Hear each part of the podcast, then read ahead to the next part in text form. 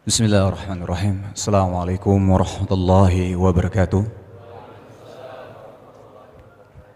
Posisinya kurang enak nih tadi. Alhamdulillah, puji dan syukur kita panjatkan kehadirat Allah Subhanahu wa taala. Salawat dan salam kita sampaikan kepada junjungan kita baginda besar Rasulullah Muhammad sallallahu alaihi wasallam. Orang yang paling mulia akhlaknya, orang yang penuh pengertian dan kasih sayang terhadap keluarganya, orang yang paling berani di antara pasukannya, orang yang paling bijak, adil, berempati terhadap rakyatnya. Alhamdulillah, hari ini kita diberikan nikmat yang begitu luar biasa dari Allah Subhanahu wa taala, nikmat sehat, nikmat waktu luang, nikmat iman, nikmat Islam dan kita mungkin tidak akan sanggup untuk menghitung nikmat-nikmat yang Allah berikan kepada kita semua. Dan hari ini insya Allah kita akan mendengar kajian dari guru kita Ustaz Syafiq Baslama yang tadi sudah sedikit disampaikan dari saudara kita juga tadi ya Amor ya. Bagaimana ini memang adalah sebenarnya judulnya adalah temanya ya uh, judulnya adalah aku akan berubah. Uh, sebenarnya ini uh, juga adalah bedah buku ya tadi ya. Bedah buku dari uh, karya Ustaz Syafiq Baslama yang di mana sebelumnya memang beliau sudah uh, apa namanya adalah buku ini adalah hasil dari kajian beliau, hasil dari kajian beliau dari uh, di Jakarta juga, kalau tidak salah di masjid ini juga gitu. Nah, alhamdulillah sekarang sudah dibukukan. Kalau saya boleh sedikit cerita tentang boleh tak? Tentang andai aku tak menikah dengannya ini begitu dalam sekali sebenarnya. Kenapa saya bilang begitu dalam? Ini sebenarnya ada hubungannya dengan judul kita kali ini, aku akan berubah. Kadang-kadang kita pertanyaan adalah apa sebenarnya? Maksudnya aku akan berubah ini apa? Ini nanti akan ada hubungannya dengan di buku ini juga, dan kita akan bedah buku ini. Uh, saya juga awalnya pertama kali mendengar, bukan awalnya bukan baca buku, tapi awalnya adalah ketika saya mendengar kajian beliau uh, di YouTube ya, saya mendengarnya di YouTube dan alhamdulillah uh, dari situ akhirnya saya terbuka nih pikirannya sebagai seorang suami, memang ternyata seorang suami itu memang kita adalah seorang pemimpin, tapi ternyata di balik itu kita layak nggak sih? Kita dipanggil sebagai seorang pemimpin. Ternyata di lain itu juga untuk melayak untuk menjadi seorang pemimpin itu tidak gampang, tidak mudah gitu. Kita harus bisa mengayomi, harus bisa melindungi istri kita dan macam-macam sekali. Nanti insya Allah hari ini kita akan bahas dengan uh, Ustadz uh, Syafiq Baslama. Tanpa panjang lagi, tambah ini basa-basi lagi nih Ustadz ya. Langsung saja kita serahkan kepada guru kita Ustadz Syafiq Baslama. Silakan Ustadz. السلام عليكم ورحمة الله وبركاته الحمد لله الذي هدانا لهذا وما كنا لنهتدي لولا أن هدانا الله Segala puji bagi Allah Jalla Jalaluh yang memberikan hidayahnya kepada kita. Sehingga kita berada di atas kebenaran. Kalau bukan karena Allah, nggak mungkin kita meraih hidayah tersebut. Itu adalah ucapan penghuni surga. Tatkala mereka memasuki surga Allah Subhanahu wa taala. Maka kita berharap sebagaimana hari ini kita mengucapkannya kelak kita dapat mengucapkannya di surga Allah Jalla Jalaluh. Allahumma salli wa sallim wa zid wa barik wa an'im ala abdika wa rasulika habibina wa syafi'ina Muhammad. Ya Allah, semoga salawatmu, semoga salammu, semoga berkah dan nikmatmu senantiasa kau tambahkan untuk hamba kekasihmu, untuk Nabi kita Muhammad sallallahu alaihi wasallam. Untuk siapa? Untuk Muhammad sallallahu alaihi wasallam. Jangan pelit-pelit antum bersolawat buat Rasul Sallallahu Alaihi Wasallam. Dan untuk keluarga beliau, untuk istri-istri beliau, untuk putra-putri beliau, untuk anak cucu beliau, dan untuk para sahabat Nabi radhiyallahu taala anhum ajma'in. Amma ba'd.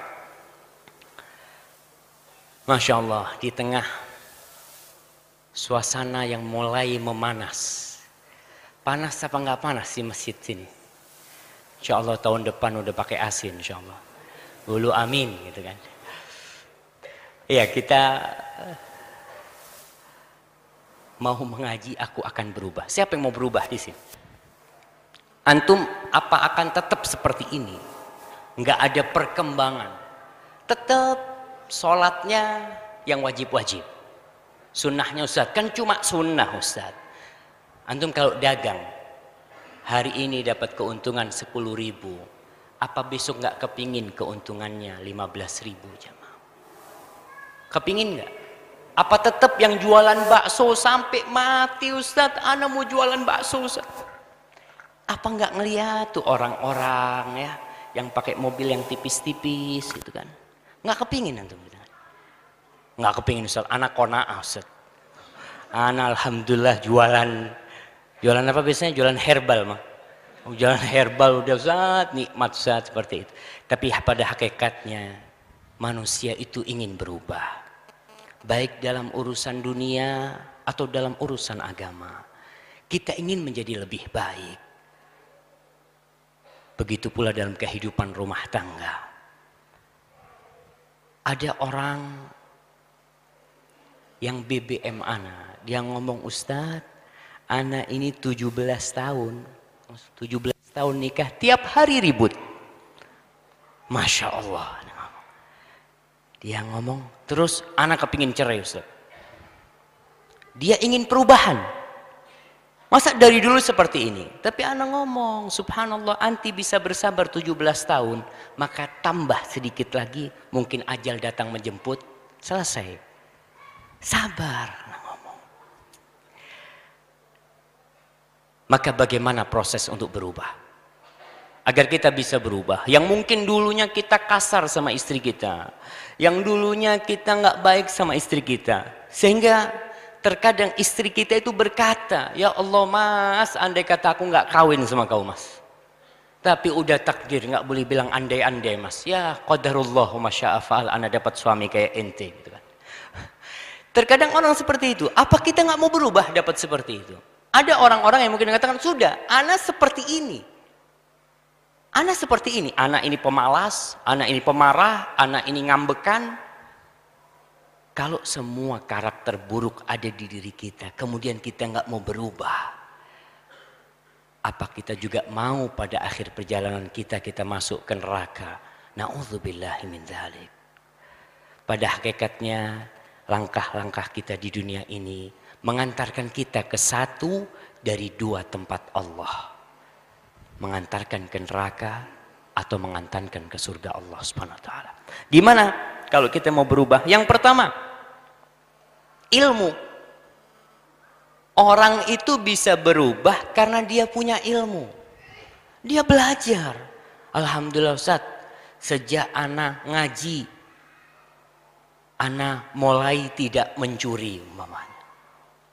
Sejak anak ngaji, anak ya mulai baikan sama istri kita. Kita tanya nih sama Tengku Wisnu. Dulu antum kalau orang bertanya kok bisa berubah gitu kan. Antum kok ngelihat wajah beliau setahun yang lalu mungkin ya atau dua tahun yang lalu nggak kayak gini nih. Betul nggak? Coba antum pandang-pandang tuh wajahnya tuh. Coba kita tanya, apakah ilmu ada peran dalam perubahan beliau? Atau perubahan itu ya datang begitu saja tanpa ada ilmu yang masuk, tanpa ada ilmu yang didengar. Gimana Tengku? Baik Ustaz. Jadi memang ketika pertama kali saya mulai belajar ngaji Ustaz ya, ya Alhamdulillah setelah belajar, belajar terus memang harus kita datangi ilmu itu kan, bukan mendatangi kan. Jadi memang saya cari terus ilmu. Dan Alhamdulillah ketika apalagi menyentuh yang namanya ilmu dalam rumah tangga. Tapi Masya Allah benar saya tidak bohong ya. Jadi memang anak pertama kali jadi dengar kajian antum kan. dengar kajian Ustadz Syafiq di YouTube ya, andai aku tak menikah dengannya, andai aku tidak atau tak ya, Ustadz. Kalau tidak salah, andai aku tak menikah dengannya kalau di kajiannya. Nah, jadi anak dengar di situ, anak melihat bagaimana uh, suri tauladan kita, Rasulullah SAW begitu luar biasa sekali Ustadz. Bagaimana beliau banyak sekali masalah yang menimpa beliau. Bagaimana beliau adalah seorang pemimpin, tapi ketika balik ke rumah, Bagaimana beliau begitu baik, begitu luar biasa, begitu romantis sama istrinya. Ana langsung bandingkan sama diri Ana Ustaz. Langsung bandingkan sama diri Ana. Ana ini bukan siapa-siapa. Tapi kalau pulang ke rumah, udah ngantuk langsung tidur gitu. Istri lagi ngomong, kadang-kadang Ana cuekin. Nah ini kadang-kadang yang bikin, kok bisa maksudnya bukan kok bisa tapi ya kita kita kita mencontoh Rasulullah tapi sampai segitunya anak saking cueknya gitu. Nah dari situ anak uh, sedikit sedikit demi sedikit baik dari hal apa pun baik dari dalam dalam rumah tangga atau hal apa pun anak mencoba cari tahu. Ketika berubah mungkin lebih dari mungkin kalau orang melihat dan anak dilihat perubahannya dari fisik tadi gitu ya.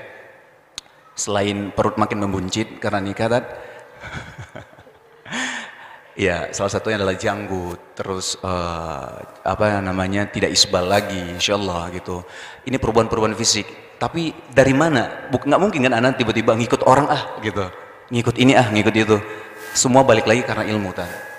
Karena anak belajar terus, anak dapat guru yang begitu luar biasa sekali. Salah satunya antum juga Ustaz.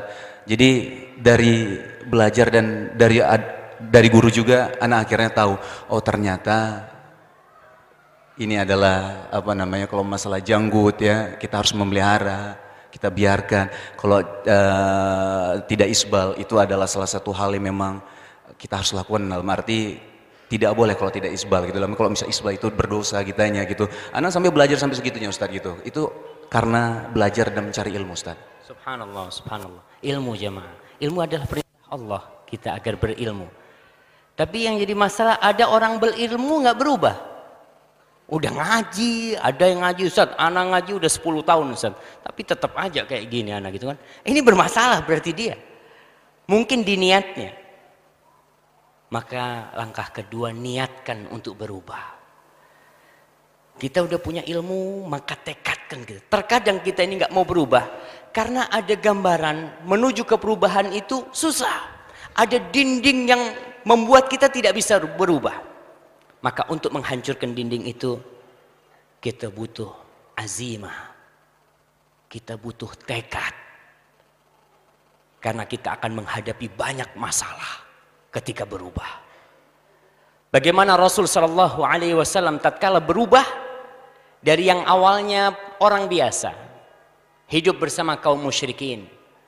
Ketika beliau berubah menjadi seorang nabi dan mengajak mereka kepada kebenaran, yang namanya permusuhan, yang namanya lemparan batu, yang namanya hinaan, yang namanya pengkucilan dari saudara-saudaranya. Itu terjadi.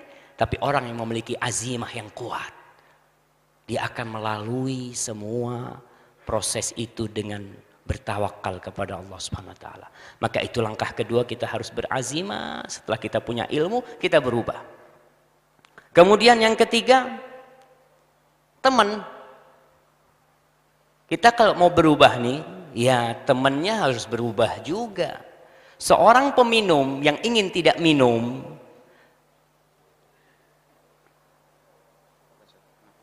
Allah, tunggu sebelum dipotong nih.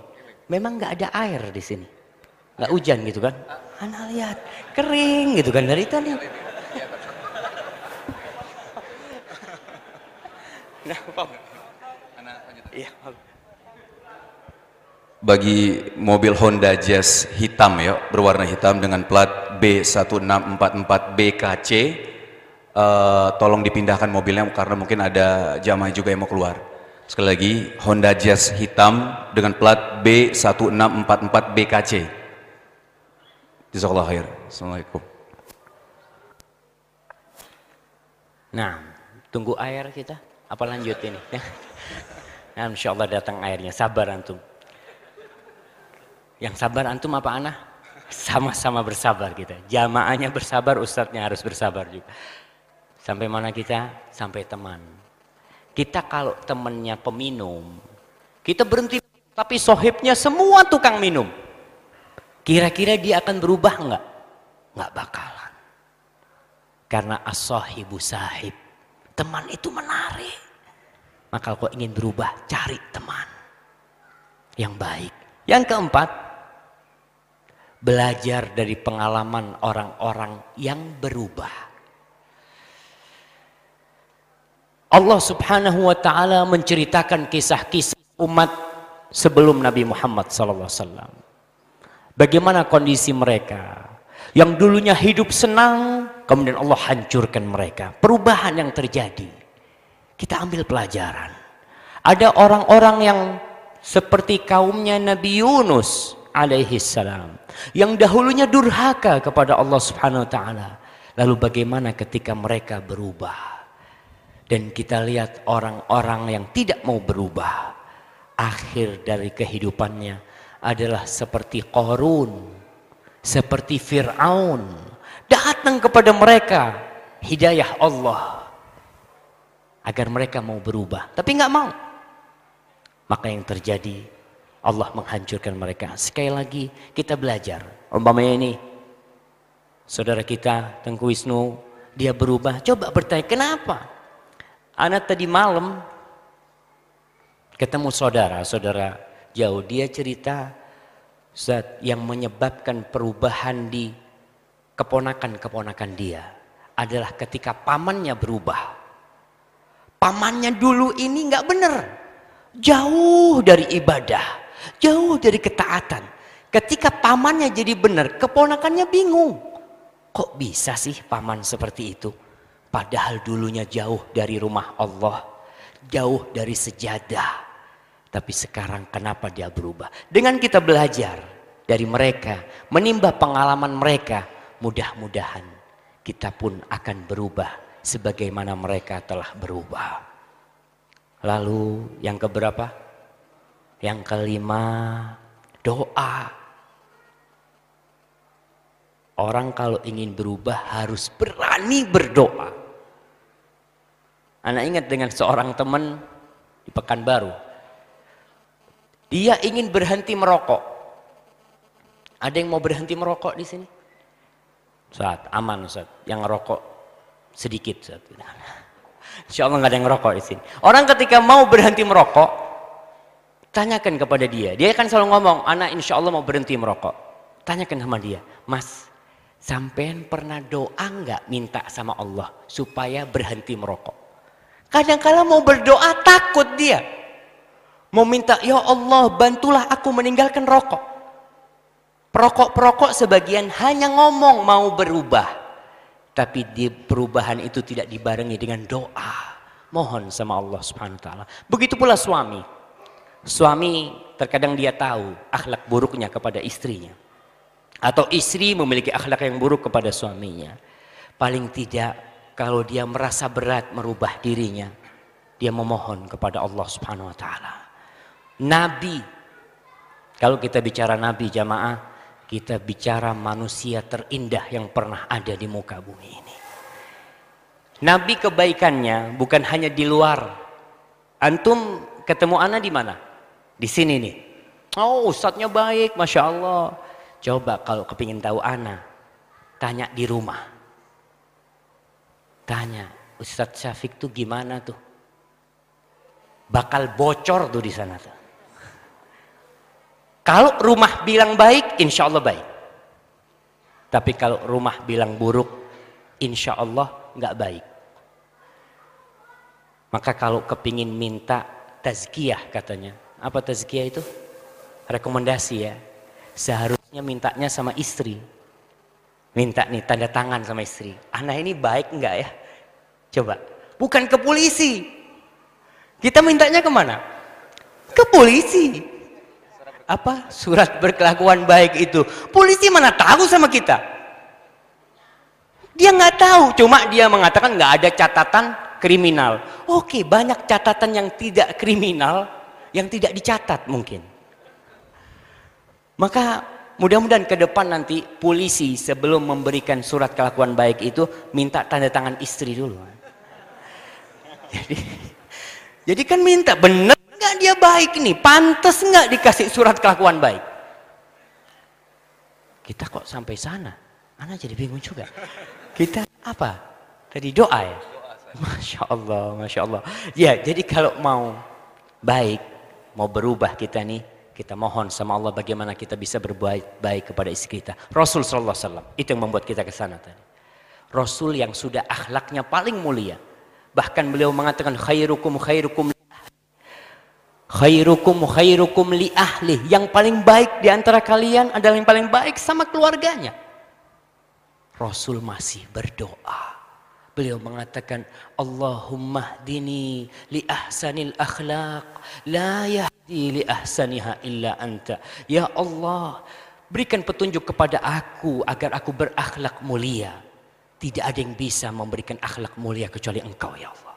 Wasrif anni la yasrifu anni sayyi'aha illa anta. Jauhkan aku dari akhlak-akhlak yang buruk tidak ada yang bisa menjauhkan hamba dari akhlak yang buruk kecuali engkau ya Allah. Maka kita harus berdoa kalau ingin berubah. Jangan sampai istri kita itu kabur dari rumah kita. Gara-gara kita tidak berubah. Kemudian yang keberapa? Yang keenam. Yang terakhirlah yang keenam ini. Yang keenam harus sering-sering isi bensin. Harus sering-sering mampir pom bensin. Antum kalau mau ke Jember dari Jakarta, Masya Allah, kita ngomong bensin dikasih air sih, Masya Allah, Barakallah fiqh.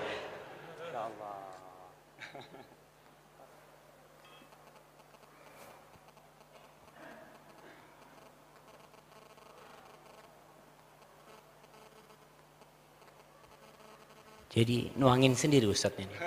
Insya Allah.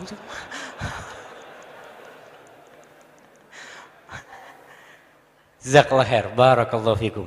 Afwan nana Baik jamaah. Oh tadi nggak boleh bawa minuman kata. Nggak boleh kata dia. Tapi mungkin kalau ustadznya boleh jamaah. Itu Bismillah.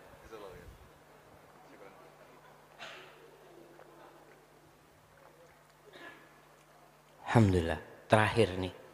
Sering-sering mampir ke pom bensin. Ngecas. Antum kalau mau ke Jember, jarak seribu kilo. Kira-kira berapa kali antum harus berhenti ke pom bensin? Mungkin tiga empat kali. Bagaimana kalau antum mau menuju ke pintu surga Allah subhanahu wa ta'ala? Jauh sekali. 60, 70 tahun kira-kira kita baru bisa sampai nanti ke sana. Tatkala ajal menjemput kita. Maka kalau ingin berubah, sering-sering datang kajian. Sering-sering mampir ya. Ketika sudah mulai baterainya itu mulai drop gitu ya. Tengku Wisnu kalau sudah mulai drop datang kajian dia gitu kan. Hah? Benar Ustaz. Kita semua drop. Ustadz pun bisa drop enggak?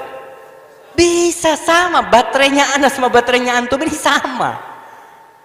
Jadi kalau subhanallah, anak rasakan ketika kita duduk di majelisnya Syekh Abdul Muhsin Al-Abbad di Madinah ya, kalau kita berangkat umroh umpamanya, Allahu Akbar. Baterai yang sudah mulai mati ini kayak disiram full jemaah. Masya Allah. Keluar dari masjid ini, insya Allah antum keluar mengatakan, aku akan berubah. Barakallahu fikum. Baik Ustadz, ini kita masuk ke buku nih Ustadz ya. Jadi memang sebenarnya judulnya cukup kontroversial sebenarnya Ustadz. Andai aku tidak menikah dengannya. Kira-kira ini Ustadz yang bikin judul atau gimana Ustadz? Gimana? Andai aku tidak menikah dengannya. Subhanallah. Ah. Anak punya sepupu, ya. dia jual buku ini ke temannya. Andai aku oh enggak, anak alhamdulillah, anak enggak mau cari ganti. Kata dia. Anak cukup sama satu istri karena ini anda aku tidak menikah dengannya gitu. Yeah. Anak alhamdulillah bersyukur menikah dengannya. Masya Allah. Ustadz, jadi memang kalau misal kita balik lagi ya ke ini masalah rumah tangga Ustadz ya. Jadi memang kalau kita sekarang aku, aku akan berubah. Sebenarnya perubahan itu kan bukan hanya dari uh, bagaimana penampilan kita gitu bukan hanya tiba-tiba kita berjenggot kita cingkrang gitu dibilang berubah gitu. Tapi balik lagi adalah ketika mungkin eh, menyentuh yang namanya akhlak Ustaz.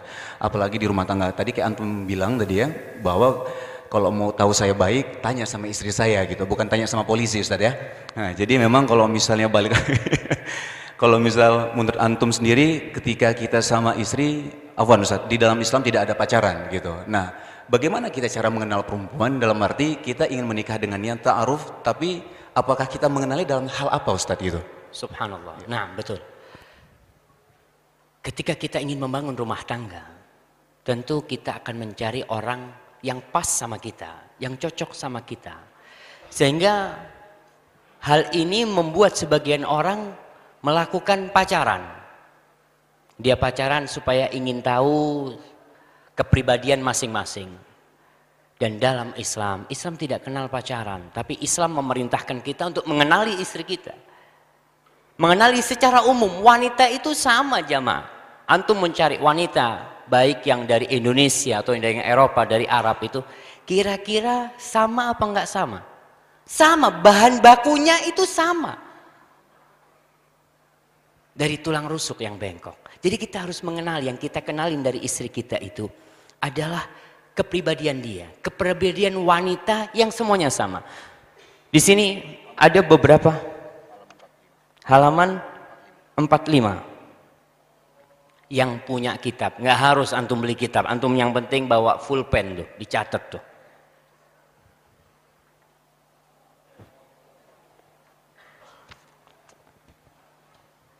Iya nih.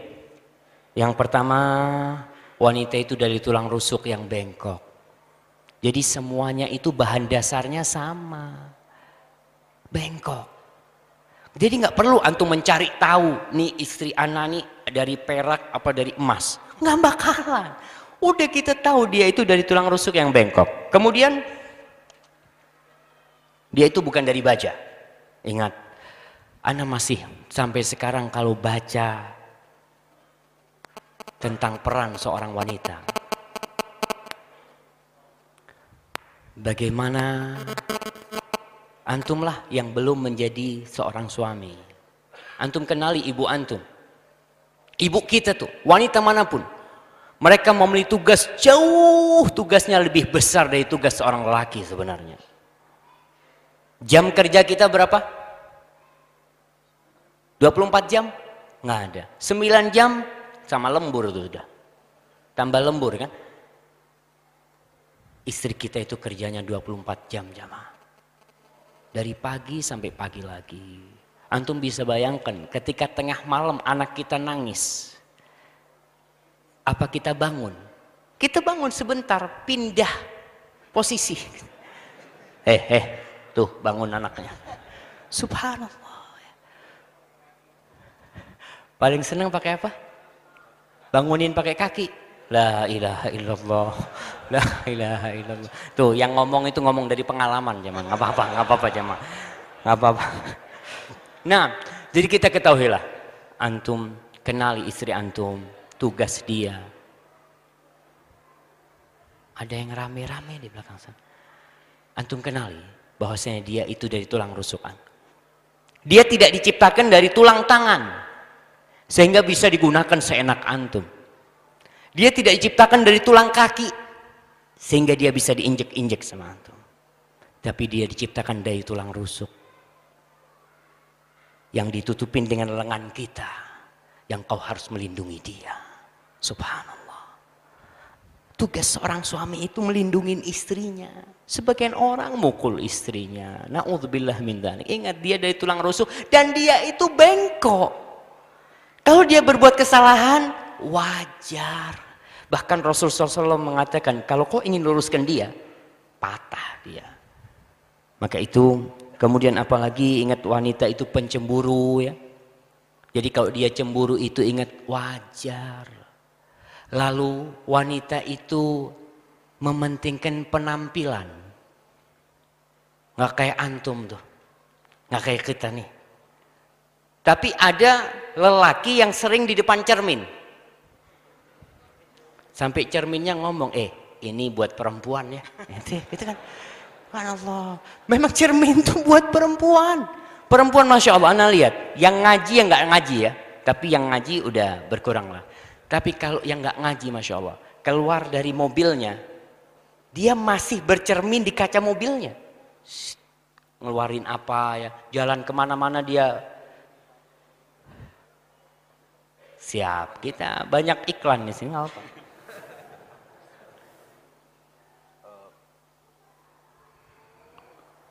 Mau mobil Freed, Honda Freed ya, kalau tidak salah Honda Freed dengan plat B1186 BYY, BYE atau BY, BYE. Mobil dengan uh, Honda Freed ya, Honda Freed dengan plat B1186 BYE atau BY. Tolong dipindahkan. Jazakallah khair. Nah, Masya Allah. Kita bicara akhlak tuh. Kalau parkir jangan nutup temennya. Masya Allah. Saat ini kan ngaji semua saat gampang kalau ngaji saat urusannya saat enggak tetap gimana dia sakit hati nungguin di sana. Ya Allah kata dia. Mudah-mudahan yang nutup ini didoain buruk antum sama dia. Sampai mana kita? Suka penampilan ya? Subhanallah penampilan. Di tasnya itu hampir semua mesti bawa cermin. Walaupun kecil cerminnya. Dia lihat subhanallah. Kita pun sebagai suami harus tahu. Kalau mau ngajak istri kajian, paling enggak satu jam sebelumnya udah dikasih tahu tuh. Karena kita harus nunggu lama dia, ribet urusannya. Kalau punya anak, Masya Allah. Anak kadang-kadang ngelihat istri ngurusin anak itu, mungkin sejaman mandiin yang ini, mandiin itu, pakein baju ini, baju itu. Apalagi kalau yang perempuan, subhanallah itu bandonya harus pas sama bajunya. Kalau dilihat kurang pas diganti gitu kan. Gak selesai-selesai tapi itulah wanita. Kita kalau udah tahu ya istrimu itu wanita. Dan Alhamdulillah kita mendapatkan istri seorang wanita. Mudah-mudahan dia adalah istri yang soleh. Pada ketawa. Itu itu nikmat Allah Subhanahu wa taala. Nikmat Allah Subhanahu wa taala kepada kita. Karena ada usaha ada usaha dari orang-orang liberal. Mereka ingin merubah bahwasanya pasangan istri itu harus perempuan, mereka ingin merubah. Itu terjadi. Mereka mengajukan kepada Menteri Agama, Menteri Agama, Departemen Agama, bagaimana merubah undang-undang pernikahan. Salah satunya yang mereka ingin rubah tuh bagaimana calon mempelai itu tidak harus perempuan. Jadi boleh laki. Nauzubillah min. Kemudian dia ngomong lagi hak cerai itu tidak hanya suami. Istri pun bisa menceraikan. Jadi umpamanya ribut sama suaminya, istri itu bisa bilang, "Mas, aku ceraikan kau, Mas." Uh, itu kan yang ada suami ngomong nggak perlu kau menceraikan aku. Dari lima hari lalu aku udah ceraikan kau. Akhirnya ribut. Nggak, hak cerai itu cuma ada di suami. Itu diajukan. Kemudian yang diajukan ke pemerintah, kita berdoa semoga Allah menjaga pemerintah kita. Allah kalau nggak dijaga pemerintah kita dari tangan-tangan seperti itu, kita nggak tahu gimana masa depan kita. Dia mengatakan juga bagaimana yang iddah itu bukan hanya perempuan. Jadi kalau istri ditinggal suaminya mati, berapa hari iddahnya?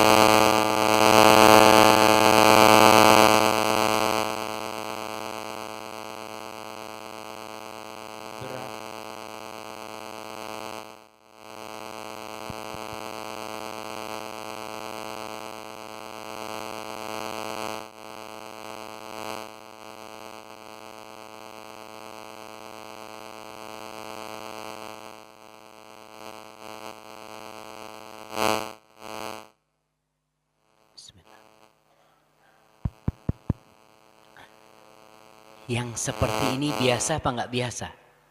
Biasa, wajar itu, tenang. Allahu Akbar. Sampai mana lagi anak? Idah, masa idah tuh. Jadi kalau istri meninggal, suami itu nggak boleh kawin lagi. Yang diajukan oleh mereka, oleh orang-orang gender ya, yang mereka mengatakan harus ada persamaan seperti itu. Mereka mengatakan suami pun harus menunggu 130 hari kalau mau menikah. Maka saya katakan bersyukur istri kita itu wanita. Kita bersyukur kepada Allah SWT karena sudah ada orang-orang yang mungkin sudah rusak fitrahnya. Dan yang terakhir sifat wanita itu apa? Perasa, mudah tersinggung. Itu wanita. Terkadang kita ngomong, dek baru ngomong gitu aja udah nangis gitu kan. Ada sebagian wanita suaminya ngomong, Gimana ya kalau aku nikah lagi? Masya Allah. Dua hari nangis dia. Itu tasnya dibuka, diisi baju. ya. No. Itu perempuan seperti itu. Tapi kalau istri antum antum ngomong gitu, diam aja, dilihat. Nah, Iya, kamu mau kawin lagi. Hmm. Iya udah. Digorok mungkin atau kalau gitu dia. Tapi wanita itu karena perasaannya dia menangis, dia meneteskan air mata dan itu perasaan wanita. Allah sudah menciptakan wanita seperti itu, jamaah. Tinggal kita bagaimana menyikapi dia dan itu kelebihan dia. Kita lihat kalau dia nggak perasa, mungkin anak kita nggak ada yang besar. Sekali nangis, sekali bikin sakit hati dilempar tuh anak tuh. Kejadian bapak-bapak bagaimana ketika dia gendong anaknya, anaknya nangis terus dilempar anaknya. Iya, ada anaknya yang nangis terus disiram sama air sama bapaknya. Na'udzubillah min dzalik. Tapi kelebihan seorang ibu. Kenapa ibu itu, istri kita itu mampu hamil ngangkat beban di perutnya 15 atau 10 kilo. Kenapa dia mampu? Selama hampir 9 bulan, 9 bulan lebih kira-kira. Kita dikasih dua kilo. Antum kasih dua kilo lah kalau mau nyoba. Dek, supaya kita sama-sama merasakan beban hamil tuh. Anak insya Allah ke kantor, anak pasang batu dek. Seperti itu kan. Berangkat tuh. Sampai kantor dilepas sama dia. Taruh kata dia. Kenapa? Karena dia tidak mampu. Kenapa istri kita mampu? Karena cinta. Dia ketika gendong anak kita karena cinta dia jamaah. Itulah yang membuat dia kuat. Dia tahan banting. Melayani kita apa pun dia berusaha. Ketika dia mendapatkan suami yang tidak baik pun dia berusaha untuk, tidak mengabarkan kepada orang tuanya. Dia tahu orang tua anak Ustaz udah capek gedein anak. Udah capek nyekolahin anak. Masa anak mau ribut sama suami akhir dia menceraikan anak. Sudah anak akan bersabar. Jadi perasaan-perasaan itulah yang membuat sebagian wanita bertahan terus hidup bersama orang-orang seperti kita nih jemaah. Ya, kita bersyukur kepada Allah SWT. Itu yang perlu dikenali, tapi nggak perlu pacaran. Kita udah tahu semuanya. Tinggal kalau mau lebih dalam lagi, ya bagaimana kita kirim orang ke sana. Kalau memang kita mau nazar, ya kita nazar ke sana. Tapi jalannya harus sesuai dengan yang diridhoi Allah SWT. Baik Ustaz. Kalau misal kita mengenal, memang kita kalau ketika kita ingin menikah, kita harus tahu ilmunya Ustaz, juga ilmu rumah tangganya. Kita harus mengenal perempuan, kita harus mengenal wanita, calon istri kita gitu. Nah, mungkin termasuk anak juga Ustaz. Sebenarnya apa sih hak-hak seorang istri itu apa aja Ustaz? Yang harus kita penuhi Ustaz? Nah, bicara tentang hak istri kita, yang mau kawin, yang mau nikah harus tahu. Yang sudah nikah pun dia harus melihat kembali, mengkoreksi kembali. Apakah sudah saya berikan hak-hak istri saya? Udah belum? Terkadang kita, apa sih Ustaz haknya istri itu? Para sahabat tanya kepada Rasulullah SAW. Dan Allah menjelaskan bahwa lelaki itu adalah qawwamuna ala nisa. Ar-rijalu qawwamuna ala nisa bima faddalallahu ba'dahum ala ba'din. Wa bima anfaqu min amwalihim lelaki-lelaki adalah pemimpin di rumah tuh atas istri-istri mereka. Pemimpin itu seperti apa? Apakah pemimpin itu yang sekedar nyuruh, hei, sini bersihkan nih rumah. Apakah seperti itu pemimpin? Pemimpin itu memang punya hak, tapi dia punya kewajiban. Seorang pemimpin harus memiliki tiga kriteria yang pertama al-qiwamah atau ar-riayah. Dia harus memperhatikan yang dia pimpin. Istri kita butuh perhatian kita. Yang kedua, dia butuh apa? Dia butuh perlindungan. Kita harus melindungi istri kita. Itu hak dia. Dan yang ketiga, kedua apa yang ketiga? Ketiga, Masya Allah ada suara rame-rame itu. Suaranya siapa itu? Suaranya ibu-ibu. Ah, itu wanita seperti itu. Ya. Jadi itu wajar jangan jangan rasa aneh gitu. Kita harus memperbaiki. Itu yang ketiga. Perhatian, perlindungan dan perbaikan. Dia butuh untuk diperbaiki. Kita terus memperbaiki dia. Itu sebagai seorang pemimpin. Dan perhatian kita kita harus ngasih makan dia ya kita harus menyelamatkan dia. Melindungi dari apa? Melindungi dari hujan, melindungi dari lapar, melindungi dari perampok, dari penyamun, dan melindungi yang terbesar adalah melindungi dia dari api neraka jamaah. Gimana nih istriku nih nggak sampai masuk neraka ya Allah. Dijaga tuh istrinya. Sambil diperbaiki. Wabima anfaku. Lelaki itu jadi pemimpin karena dia memberikan nafkah. Maka kewajiban memberi nafkah itu bukan kewajiban istri. Jadi istri kita itu nggak wajib kerja, bapak-bapak. Yang wajib kerja siapa? Suami. Ada suami-suami yang masya Allah dapat istri kaya raya. Insya Allah. Ada yang dapat istri kaya di sini. Alhamdulillah Ustaz. Anak nggak perlu kerja lagi Ustaz. Tetap kewajiban suami itu bekerja memberi nafkah kepada istrinya. Istri itu nggak punya kewajiban sama sekali. 0% kewajiban dia. Karena kewajiban yang memberi nafkah adalah kewajiban suaminya memberikan nafkah kepada dia. Kalau istri mau membantu, alhamdulillah, itu adalah keinginan dia. Jadi suami memiliki kewajiban bagaimana dia memberikan nafkah kepada istrinya. Rasul pernah ditanya, sallallahu alaihi wasallam, apa hak istri? Kata beliau sallallahu alaihi wasallam, antut imaha idza ta'imta. Kau kasih makan kalau kau makan. Maksudnya jamaah, sebagian orang itu nggak kaya. Umpamanya penghasilannya 50 ribu. Istrinya ngomong, bang, aku bang kok kepingin ya sarapan sarang burung bang, kata dia. Gajinya 50 ribu, sarapannya mau sarang burung. Ya nggak seperti itu. Apa yang dia makan? Dia mampu, anak cuma mampu umpamanya minta maaf istriku, anak cuma mampu beli jengki gitu dia. Masya Allah.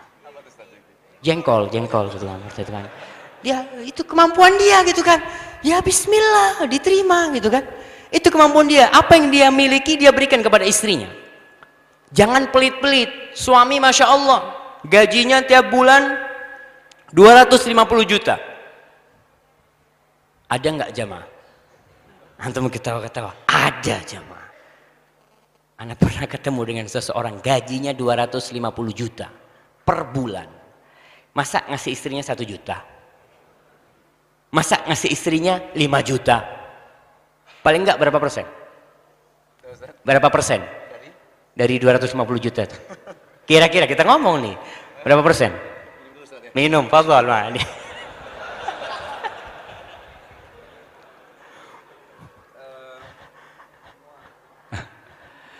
Dari 250 juta Ustaz ya? Iya, 250 juta nih. Jadi gini Tan.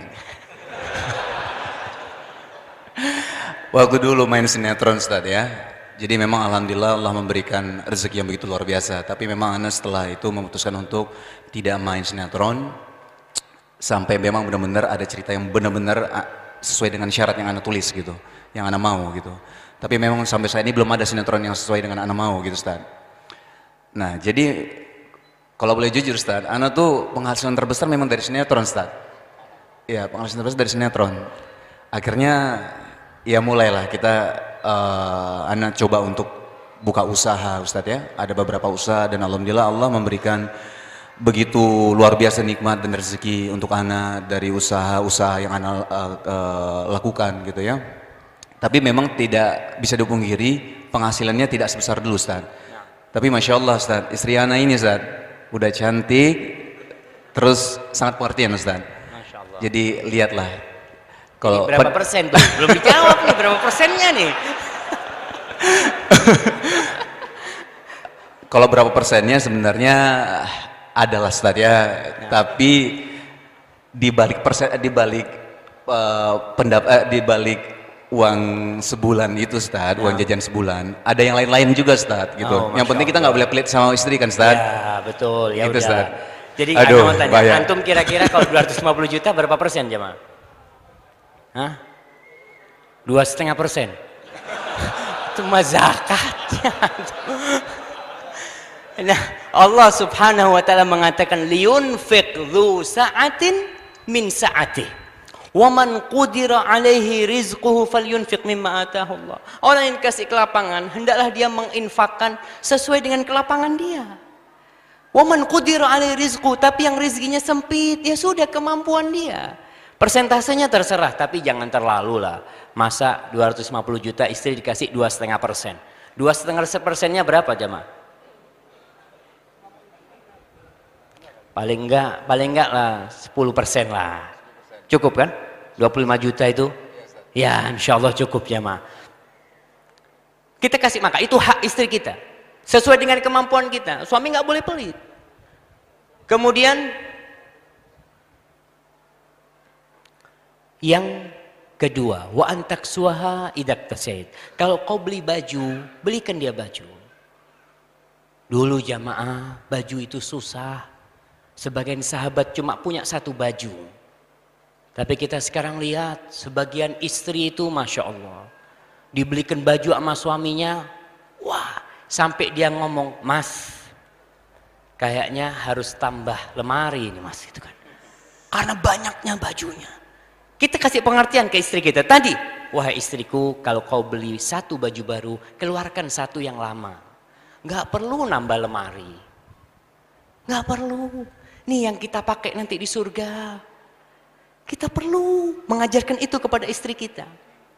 Karena apa? Kalau enggak, kita akan tambah lemari, tambah lemari, tambah lemari yang ada koleksi. Dan tatkala kita mati semua akan ditinggal. Yang kita pakai yang mana? Yang kita berikan ke orang itu. Maka kalau beli baju satu, kita kasih nasihat istri kita, dek nih, aku kasih hadiah baju. Tolong satu kau keluarkanlah. Kita ngasih sedekah buat dia, nafkah buat istri kita, istri kita mengeluarkan dia juga dapat pahala. Kemudian Rasul mengatakan tentang hak istri kita. Wala tadribil wajha. Jangan pernah engkau memukul wajah. Nggak ada tuh dalam Islam. KDRT tidak dikenal dalam Islam. Wala tadribil wajha. Oh Ustaz, nggak boleh wajah Ustaz. Kalau punggung boleh nggak Ustaz? Ya, Bukan, kita kalau memberikan pendidikan kepada istri kita, memang ada fase-fase kita memberikan nasihat, dia nggak nurut ya, kemudian kita nggak ngajak dia ngomong, kita di kasur umpamanya nggak mendekatin dia, baru setelah itu dipukul istri kita, mukulnya itu jamaah, bukan memukul dengan emosi, tapi memukul dengan cinta. Antum nih kalau istri antum udah nggak nurut, antum pegang tangannya, Umpamanya gini nih. Pukul gini aja. Umpamanya. Kalau suami yang baik, istri itu akan bingung. Kenapa? Insya Allah. Nah, kita pukul mungkin pakai pensil ya. Kita pukul pakai pensil, pakai pena. Mau pakai pena kita pukul dia. Ketika dia kita pukul tangannya. Yang sakit mananya? hatinya. Kalau kita mukul dengan cinta. Tapi kalau dia kita biasa mukul dia, kita pukul, oh, ayo siap-siap mas, gitu kan. Ya so, karena tiap hari udah pukul-pukulan gitu kan. Ada seperti itu. Maka perlu dikasih tahu, perlu diketahui oleh semuanya, Rasul melarang kita memukul wajah. Nggak ada, perempuan dipukul wajahnya nggak boleh. Kemudian wala tuqabbih, jangan menjelek-jelekkan istri itu istri pilihanmu. Kau datang meminang dia, kau datang melamar dia, bahkan ketika ditolak berusaha untuk lewat pintu belakang, mamanya. Ada orang seperti itu. Ketika sudah menikah, sering dijelek-jelekkan istrinya, diburuk-burukkan istri. Na'udzubillah ya. Mudah-mudahan Allah mengampuni dosa-dosa kita. Melihat istri kita umpamanya ya, dia berat badannya udah tambah. Masya Allah si gendut udah datang nih. Seperti itu. Allahu Akbar. Ya, nah, barakallahu fikum. Baik Ustaz. Kita memang uh, tadi hak-hak istri ya Ustaz ya yang tadi kita uh, antum sampaikan dan memang kalau misal kita tahu di dalam rumah tangga itu awalnya memang banyak manisnya Ustaz. Masih dalam arti waktu pertama kali menikah, masya Allah luar biasa sekali gitu. Ternyata di perjalanan itu memang ada sedikit kerikil-kerikil Ustaz. Nah jadi memang seperti tadi antum sampaikan KDRT memang tidak ada di dalam Islam. Tadi bagaimana cara memukulnya, pukullah dengan cinta. Masya Allah itu luar biasa sekali. Uh, terus uh, juga se uh, kalau di dalam tadi yang seperti yang sampaikan bahwa yang kerikil-kerikil itu memang tidak bisa kadang-kadang tidak bisa kita elakkan Ustaz. Permasalahannya kadang-kadang satu hal dalam arti mungkin ketika kita apa ya Ustaz ya, capek ataupun lelah bekerja. Nah, kadang-kadang istri itu mungkin Ustaz ya, kadang-kadang suka melakukan hal-hal yang mem memang sudah diingatkan berkali-kali gitu Ustaz. Udah dikasih tahu, Dek, jangan kayak gitu, Dek, jangan kayak gitu. Diulang-ulang terus Ustaz. Nah, pertanyaan adalah Ustaz gitu ya. Sampai berapa kali kita boleh memaafkan istri gitu? Masya Allah, Masya Allah. Sebelum kita bicara memaafkan istri, kita ini punya dosa nggak jamaah? Antum berapa kali berbuat dosa sama Allah? Hampir tiap hari kita berbuat dosa. Dan kita tetap mengharap Allah memaafkan dosa kita. Dan Allah subhanahu wa ta'ala begitu rahmatnya. Dia mengatakan kepada hambanya, Yabna Adam, Lau ataitani biqurabil ardi khati'atan, thumma ataitani la tushriku bi syai'an, la ataituka biqurabiha maghfiratan. Wahai anak Adam, andai kata engkau mendatangi aku kata Allah dengan sepenuh bumi dosa. Dosa semuanya. Bayangkan sepenuh bumi dosa. Kemudian engkau datang kepadaku tidak berbuat kesyirikan sedikit pun kepadaku maka aku akan datangkan sepenuh bumi itu ampunan. Subhanallah. Istri kita apabila dia melakukan kesalahan-kesalahan kecil selama tidak sampai berkhianat umpamanya ya melakukan tindakan-tindakan yang dimurkai oleh Allah Subhanahu wa taala, maafkan dia berapa kali? Sebanyak mungkin untuk maafkan dia. Rasul SAW pernah ditanya, Ya Rasulullah, kam na'fu anil khadim? Rasulullah, berapa kali kita memaafkan al-khadim, pembantu kita atau budak kita? Rasul diem. Datang lagi dia, ya Rasulullah, kam na'fu anil khadim. Berapa kali kita maafkan pembantu itu? Rasul diam lagi. Yang ketiga kali dia tanya, ya Rasulullah, kam na'fu anil khadim. Pembantu jamaah. Berapa kali kita memaafkan pembantu? Kata Rasul sallallahu alaihi "Ufu anhu fi kulli yaumin sab'ina marrah." Maafkan dia setiap hari 70 kali jamaah. Apalagi istri kita yang banyak membantu kita, membesarkan anak-anak kita. Kita berangkat bekerja, dia jagain anak kita. Dia yang ngajarin anak kita alif, ba, ta. Dia yang ngajarin anak kita berdiri. Dia yang ngajarin anak kita berjalan. Dia yang ngajarin anak kita berbicara. Subhanallah. Kenapa kebaikan-kebaikan itu kau lupakan? Ufu anhu. Maafkan dia 70 kali. Apalagi dengan istri kita. Maka Allah mengatakan ya ayyuhalladzina amanu wahai orang-orang yang beriman inna min azwajikum wa auladikum aduwwan lakum fahdharuhum. Sesungguhnya kata Allah wahai orang-orang yang beriman ada sebagian istri kalian sebagian anak-anak kalian yang musuh buat kalian fahdharuhum. Hati-hati kata Allah. Tapi Allah mengatakan wa in ta'fu wa tasfahu wa taghfiru fa innallaha ghafurun tapi kalau kau memaafkan engkau nggak memberikan sanksi dan kau melupakan kesalahannya. Sesungguhnya Allah itu maha pengampun. Allah mengingatkan kau itu banyak dosanya. Jangan sok suci kau itu. Maka kalau kau ingin diampuni oleh Allah maafkan istrimu. Jadi seperti itu aku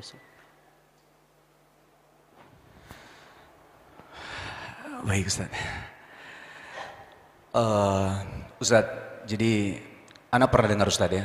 Banyak orang-orang di luar sana ya yang mungkin non muslim gitu ya. Kadang-kadang suka menganggap Rasulullah SAW itu kasar Ustaz.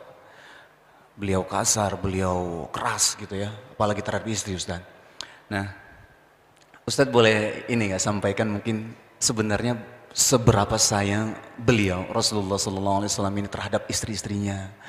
Sebegitu romantisnya beliau terhadap istri-istrinya. Mungkin antum bisa sampaikan nah, barakallahu fiik ya kita kalau bicara Nabi jamaah Allahu Akbar. Kita sakit hati dengan sebagian orang yang menjelek-jelekkan Rasul SAW. Dan kita harus sakit hati kita. Kita harus benci kepada mereka. Mereka menampakkan Rasul SAW sebagai sosok yang menakutkan. Teroris.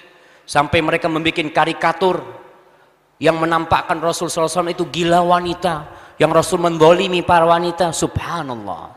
Sekali lagi kalau ingin tahu Rasul SAW tanyakan kepada istrinya. Bagaimana kasih sayang beliau kepada istri-istrinya. Rasul Shallallahu Alaihi Wasallam itu pemimpin. Beliau itu presiden. Beliau itu jenderal bintang lima. panglima perang beliau sallallahu alaihi wasallam. Tapi tatkala beliau masuk rumahnya, beliau langsung turun menjadi seorang suami. Ketika pintu rumah dibuka, semua pangkat beliau beliau tanggalkan. Ketika beliau ada masalah sama Aisyah, Aisyah lagi marah sama Rasul sallallahu alaihi wasallam dan sampai mengangkat suaranya, Nabi tidak mengatakan, "Hei, kau lupa, aku nih suamimu." Enggak pernah Rasul SAW. Bahkan Rasul meminta maaf kepada Aisyah radhiyallahu taala anha. Sallallahu alaihi wasallam. Kalau masuk rumah Rasul SAW bantuin istrinya. Sama kita, kita nih yang bukan presiden, kita nih bukan yang panglima. Pernahkah kita kalau masuk rumah itu bantuin istri kita ya? Istri kita lagi goreng-goreng, pegang tuh tangannya. Dek, biar aku yang goreng, Dek. Insya Allah. Dia lagi cuci piring, Dek, kita cuci berdua, Dek. Masya Allah. Rasul Shallallahu Alaihi Wasallam makan itu di satu piring sama Aisyah radhiyallahu taala anha. Jadi nggak perlu antum punya 10 piring, selusin piring nggak perlu. Ngomong sama istrinya, kita pengantin baru piringnya satu. Subhanallah. Antum kalau tahu rumah Rasul SAW nggak banyak piringnya aja. Piring satu, makan bersama. Sama Aisyah makan bareng nih, Sallallahu Alaihi Wasallam. Kemudian ketika Aisyah itu gigit dagingnya, dia gigit Rasul Shallallahu Alaihi Wasallam menggigit di tempat Aisyah menggigit ma. Kalau kita ngelihat mana oh, cari yang belum digigit sama dia gitu. Subhanallah.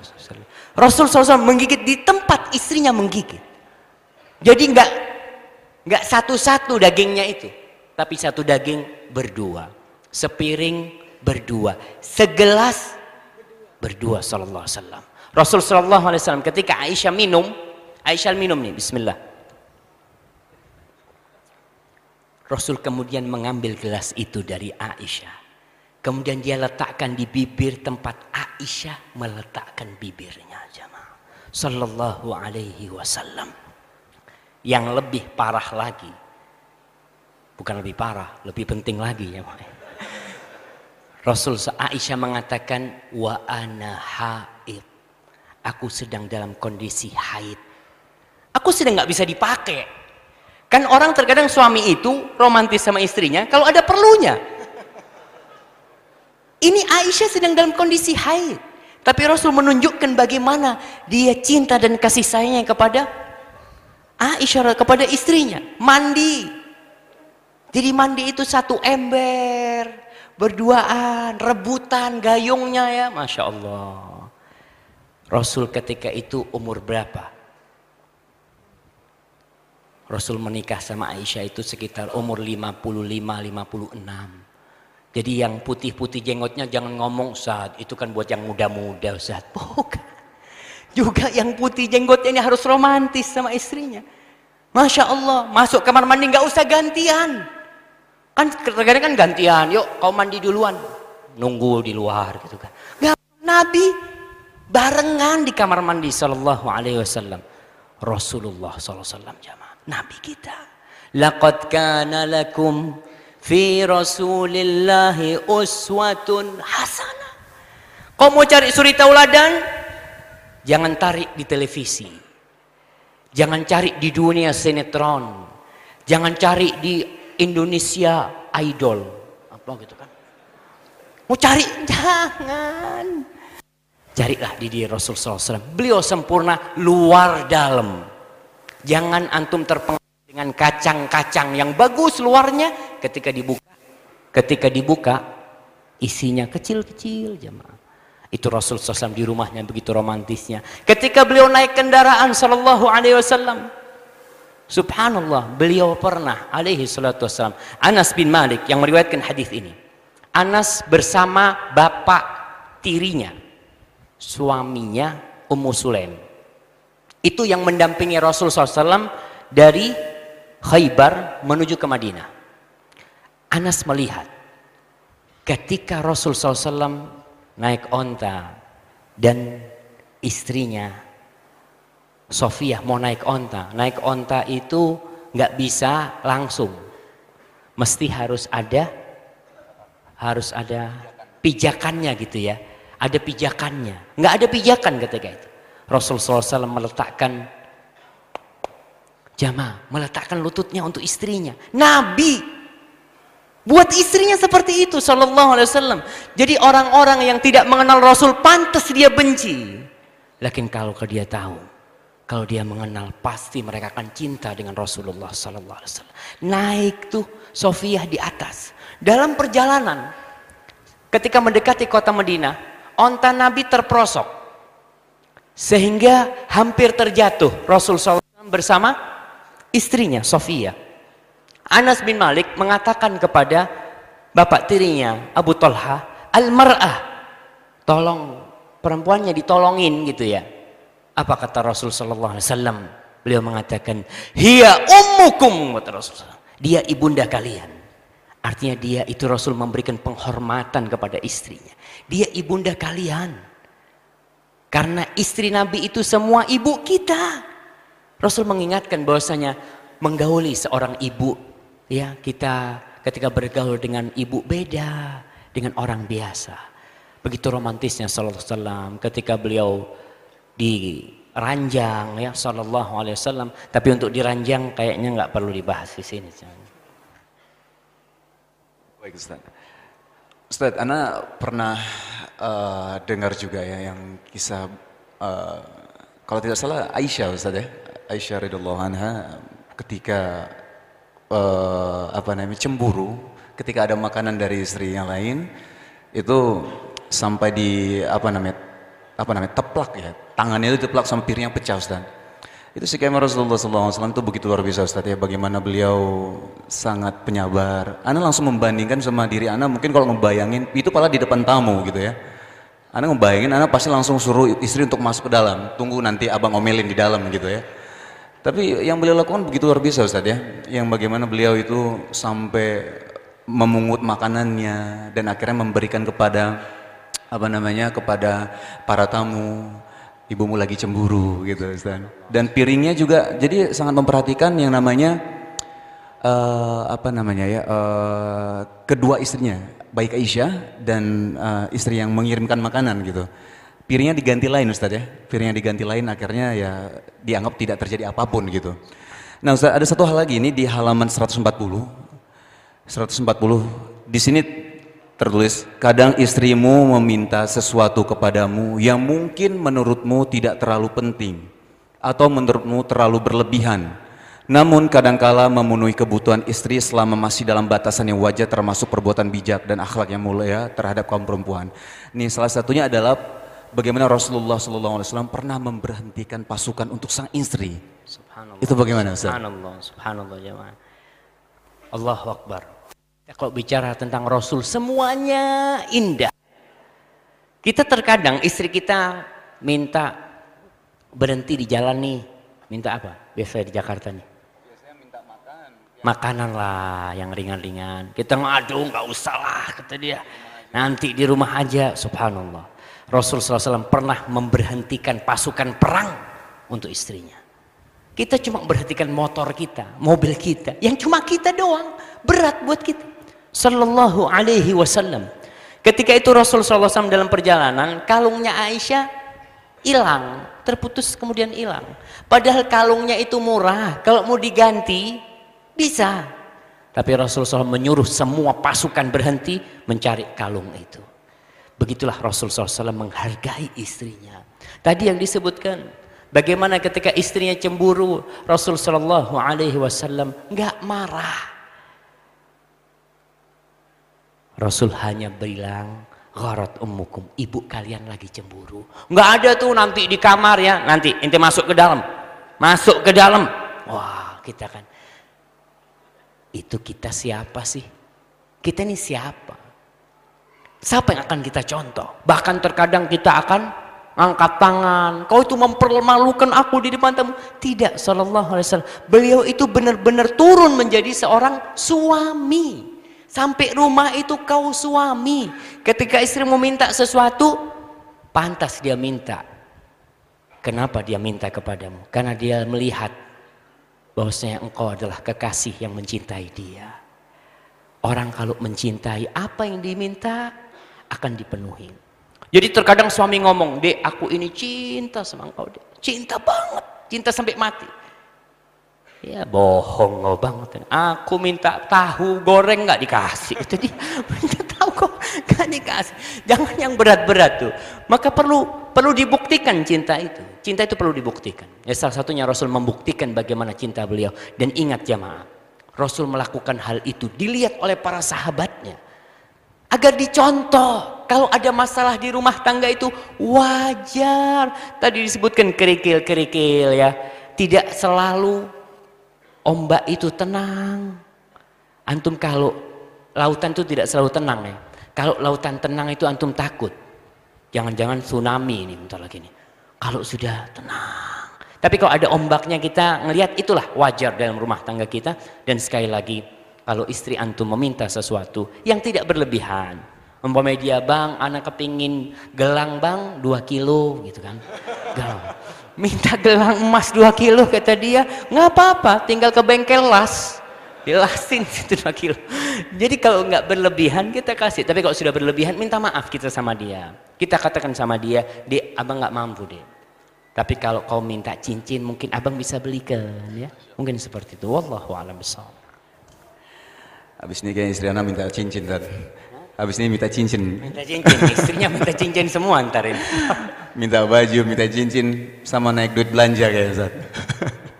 Ustaz ada satu lagi ya yang tentang uh, apa namanya sebelum kita masuk ke pertanyaan. Ada satu lagi di halaman 175 Ustaz. Tentang ini ada hubungannya sebenarnya kadang-kadang yang mungkin mungkin dialami sama yang sudah cukup lama menikah Ustaz ya. Bagaimana ketika ada yang tidak bisa dipungkiri Ustaz, ada yang namanya titik jenuh Ustaz. Titik jenuh atau uh, hal yang uh, apa namanya kadang-kadang membuat so, uh, seorang suami itu menjadi apa namanya? Jadi kadang-kadang itu mencari kesalahan Ustaz gitu. Tapi di sini saya baca di halaman 175 tentang jangan mencari-cari kesalahan Jagalah Allah di dirimu dengan menjalankan perintahnya dan menjauhi larangannya. Niscaya Allah akan menjagamu dan keluargamu. Ini antum boleh sedikit jelaskan Ustaz yang tentang jangan mencari kesalahan ini. Nah, iya. Subhanallah jemaah. Tentang mencari-cari kesalahan ini anak ingat dengan beberapa kejadian di di Saudi sana, di Arab sana. Terkadang ketika orang sudah menikah agak lama, udah anaknya udah gede, dia merasa jenuh ya. Kemudian dia itu mencari-cari kesalahan istrinya sekedar untuk mencela istrinya. Atau dia itu telah berbuat dosa di luar rumah. Kejadian itu seorang ini telah berzina di luar rumahnya. Ketika dia masuk rumahnya, dia dalam kondisi takut. Jangan-jangan istriku nanti berzina. Jangan-jangan istriku berhubungan dengan laki lain. Jangan-jangan ada main sama fula. Jangan. Kalau engkau ingin menjaga istrimu, jagalah dirimu. Eh fadillah yahfadka. Jagalah Allah, pasti Allah jaga engkau. Kalau Allah jaga keluarga kita akan dijaga. Rasulullah SAW memberikan arahan kepada kita.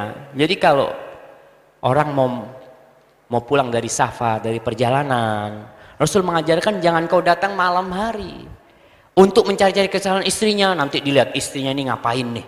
Nanti takut ada lelaki lain masuk rumahnya. Na'udzubillah min dzalik. Kita kalau jaga Allah, insya Allah Allah akan menjaga kita. Kecuali di zaman sekarang, kita bisa telepon istri kita, Dek, aku mau pulang. Beda dengan orang mau supres kadang-kala dia. Dia ingin memberikan kejutan ke tetangga dia. Tapi bukan untuk mencari-cari kesalahan. Nggak masalah. Kita nggak ngasih tahu.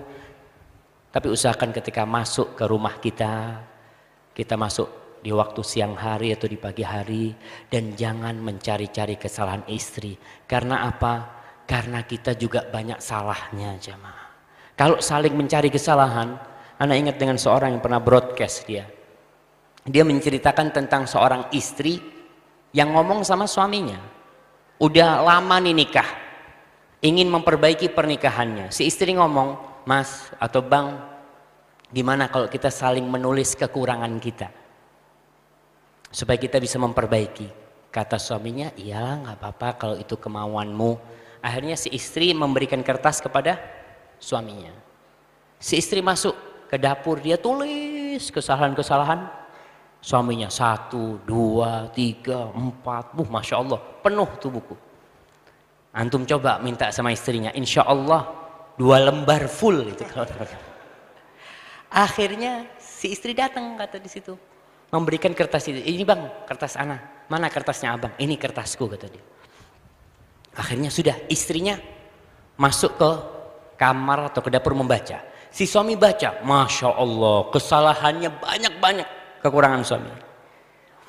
Setelah itu suaminya, istrinya datang, bang, kertasnya abang kok kosong putih. Apa kata suaminya? Dek, aku menerimamu apa adanya, dek. Kata dia. Ya sudah kata dia. Yang perlu ditulis itu bukan kekurangan kita, kelebihan masing-masing. Jadi kalau minta sama istrinya, dek tulis, aku ingin menulis kelebihanmu. Si suami menulis kelebihan istrinya, si istri menulis kelebihan suaminya. Itu yang akan menambahkan cinta dan kasih sayang. Sehingga kita lupa dengan kesalahan dia dan kekurangannya. Rasul Shallallahu Alaihi Wasallam mengajarkan kepada kita, la yafrak mu'minun mu'mina. Nggak boleh itu seorang yang beriman membenci istrinya yang beriman. In minha khuluqan.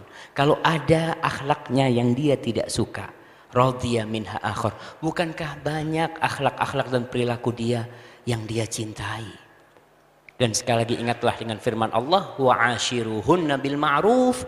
Bergaulilah istri-istri kalian dengan cara yang patut, dengan cara yang baik. Fa in karihtumuhun. Kalau kau benci sama istrimu, benci, nggak suka sama istrimu. Apa Allah nyuruh kita menceraikan dia? Tidak. Allah mengatakan fa'asa an takrahu syai'an wa yaj'alallah fihi khairan katsira. Bisa jadi yang kalian benci itu di balik sana ada banyak kebaikan yang Allah simpan di sana. Mungkin istri kita nggak pandai memasak, mungkin istri kita nggak pandai berdandan, tapi dia pandai mengajarkan kepada anak kita la ilaha illallah. Dia mengajarkan kepada anak kita tentang tauhid. Subhanallah, cukup nih kebaikan dia. Wallahu a'lam Mungkin seperti itu. Jazakallah khair Ustaz. Ustaz kita masuk ke sesi pertanyaan Ustaz ya.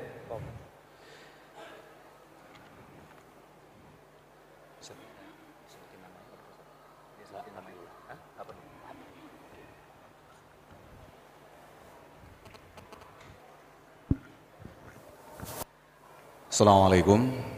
Uh, di sini disebutkan namanya dan uh, saudara kita ini menulis saya ingin berubah di samping proses berubah.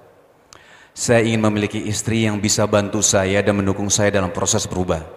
Pertanyaan sebenarnya simpel Ustaz. Bagaimana cara mencari istri yang soleha? Cara mencari istri, istri yang soleha. Oh, Masya Allah. Dia belum nikah nih. Masya Allah. Belum nikah yang pertama atau yang kedua? Ada orang. Nah, yang ingin mencari istri yang soleha jamaah yang pertama harus dilakukan adalah menjadi orang yang soleh. Kita perbaiki diri kita dulu nih. Terkadang ada sebagian ikhwan Masya Allah. Mau nikah dia kriterianya satu lembar. Harus seperti ini, harus seperti ini, harus seperti itu. Umpamanya harus tingginya 171. Syarat-syarat gitu kan. Seperti itu. Dia tingginya 132. Gak, Enggak pas lah gitu cari seperti itu. Ustaz kan ingin perbaikan generasi Ustaz gitu kan. Enggak, kita harus tahu diri lah. Ingin mencari yang hafid Al-Quranul Karim. Enggak apa-apa.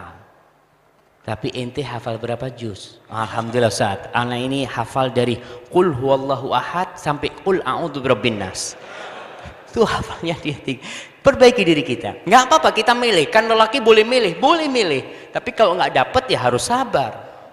Seorang suami ketika minta, ketika meminang seorang wanita, itu jawabannya dua, diterima atau ditolak. Terkadang nolaknya ngomongnya gini, dia datang minta, oh maaf anaknya masih mau sekolah gitu kan. Oh nggak apa-apa, saya tunggu gitu kan. Ente itu ditolak gitu kan, pulang sudah. Wah, kalau diterima dia akan ngomong siap enggak menunggu. Itu berarti diterima. Tapi kalau ngomong anaknya masih mau sekolah berarti antum ditolak. Masya Allah. Holas pulang bismillah istighfar antum. Nah. Hah? Istiqomah. Apa tuh istiqomah? Oh berusaha istiqomah gitu kan. Maka kita harus tahu. Kemudian istri yang soleha gimana? Istri yang soleha itu kata Rasul SAW, Allati idha nadharta ilaiha sarratka. Itu kalau dipandang bikin senang hati. Bukan karena wajahnya yang cantik. Bukan karena bodinya yang Masya Allah. Kalau masalah wajah cantik dan body itu insya Allah 20-30 tahun hilang. Kita ingat, oh Ustaz, Masya Allah istri anak ini. Beratnya benar-benar anak nggak bisa bayangkan. 49 Ustaz. 49. Dengan tinggi 160 gitu kan. Insya Allah. Dua tahun 94. 94 tuh itu bisa berubah kalau yang dicari sekedar sekedar fisik berubah maka Rasulullah SAW mengajarkan kepada kita yang dipandang itu bukan cuma fisiknya tapi agamanya ada orang yang menikah karena kecantikannya karena kekayaannya karena faktor nasabnya yang keempat karena agamanya kalau cari kalau ingin berbahagia kata Nabi SAW fadfar bidatid taribat yadak ingin selamat Carilah istri yang agamanya baik, yang setiap kau memandang dia, cinta itu akan semakin tumbuh jamaah. Jadikan engkau, jadikan istrimu cantik karena cinta. Bukan cinta karena cantik jamaah. Barakallahu fiik. Uh, sedikit tambahan tentang syarat Ustaz ya. Jadi ada, uh, jadi kalau misal ditulis, jadi dia mau menikah dia menulis syarat-syaratnya gitu kan, uh, seorang uh, yang ikhwannya. Terus Tulis salah satunya bersedi, boleh nggak uh, menulis syaratnya salah satunya kalau istrinya nanti bersedia di poligami itu Masya Allah, Masya Allah. Enggak kalau ada tulisan kayak gitu gimana Ustaz? Nah, itu dulu nggak ada syarat tapi waktu enggak, nikah nggak ada syarat itu kan enggak, enggak, enggak, Nah, Jadi, iya itu mau sebenarnya poligami itu halal jamaah nggak perlu ditulis di persyaratan itu dan antum belum tentu bisa poligami bisa jadi antum istri satu itu sampai mati. Masya Allah. Dan bisa jadi antum mati duluan sebelum istrinya. Dan terjadi. Jadi tidak perlu persyaratan itu sebenarnya. Karena wanita itu berat untuk dipoligami. Tapi insya Allah kalau kita mendidik dia dengan cara yang baik. Dan ingat urusan poligami ini. Urusan yang bikin ibu-ibu tuh minum dua kali sekarang dia gitu. Kalau mau poligami, ingat poligami itu sunnah tapi adil itu wajib. Poligaminya sunnah. Kalau antum berpoligami tapi tidak adil, naudzubillah, ancamannya neraka jemaah. Jangan mau bersenang-senang 60, 70 tahun. Terkadang orang cerita poligami ini cerita enaknya doang. Oh saat zen, tiap malam anak ronda. Seperti. Bukan masalah rondanya, nanti kira-kira di kiamat tuh jatuh enggak? Miring enggak kita jalan tuh? Dilihat semua manusia. Di dunia mungkin dia mengatakan aku adil, aku bisa berbuat adil. Tapi Allah yang tahu kita adil enggak sama istri kita. Maka hati-hati yang mau yang mau poligami. Bacalah buku tentang poligami. Yang kedua bacalah buku tentang akhirat. Karena ingat kalau mau istri-istri yang soleha, yang baik-baik tuh nanti di surga. Asalkan kita bisa berbuat adil insya Allah kita mendapatkan tuh perempuan-perempuan yang soleha, bidadari-bidadari. Jadi persyaratan itu mungkin boleh-boleh aja, tapi nggak perlu dipersyaratkan karena itu bukan sesuatu yang haram ya. Yang syarat ini seperti ini umpamanya. Terkadang syaratnya itu aku mau menikah dengan engkau syaratnya kau harus ikut aku ke rumah. Kan kadang ada perempuan yang mengatakan aku mau nikah tapi aku tetap di rumahku. Aku nggak mau ikut suami karena ibuku sendirian. Itu syarat yang boleh karena memang itu kan urusannya urusan maslahat gitu ya. Wallahu a'lam Uh, ini sebenarnya agak sedikit nyambung Ustaz tadi tentang yang syarat tadi. Jadi Assalamualaikum Ustaz. Saya pernah mendengar di antara hak istri adalah berhak meminta tempat tinggal atau memutuskan ia ingin tinggal bersama dengan mertua atau terpisah. Suami saya meminta untuk tinggal bersama mertua. Namun saya keberatan karena di rumah mertua sudah tinggal kakak ipar saya beserta suaminya dan saya merasa risih. Terkadang suami mengatakan kalau saya tidak menurut berarti tidak patuh pada suami. Tapi saya merasa hal itu memaksa kehendak suami. Jadi uh, saya harus bagaimana Ustadz? Selama ini kami tinggal di rumah ortu saya karena rumah itu kosong. Kan sayang kalau nggak diisi. Jazakallah khair. Kenapa terakhir? Kan sayang kalau nggak diisi rumahnya. Sekarang jadi selama ini mereka tinggal di rumah ortunya si istri. Oh, si istri. Istri. Karena rumahnya kosong sayang kalau nggak diisi Ustadz. Tapi suaminya mau mengajak istri untuk tinggal di rumah uh, orang tuanya suami. Orang tuanya. Naam, sahih. Ya berkaitan dengan hak rumah ya. Allah SWT mengatakan askinuhunna min haitsu sakantum min wujudikum wala tudarruhunna tempatkan istri-istri kalian itu di tempat tinggal yang sesuai dengan kemampuan kalian dan jangan kalian membahayakan mereka Bagaimana membahayakan istri itu? Salah satunya mengumpulkan istri dengan madunya. Salah satunya mengumpulkan istri dengan mertuanya. Kenapa? Orang tua kita saya nih umpamanya kalau bawa istri ke rumah Ana. Kecintaan istri sama Ana tidak seperti kecintaan ibu Ana kepada Ana. Nggak sama. Kadangkala kan nama ibu Ana ngelihat istri Ana mungkin telat bangunnya akan dimarahin gitu kan ya. Seperti itu. Kau itu gimana jadi istri? Yang benar jadi istri. Mulai keributan-keributan itu. Masa mungkin si istri baru belajar masak. Agak asin sedikit. Udah kau nggak usah masak. Biar ibu yang masak itu mulai keributan di rumah itu. Maka dianjurkan memang istri itu punya hak untuk tinggal berpisah dengan mertua.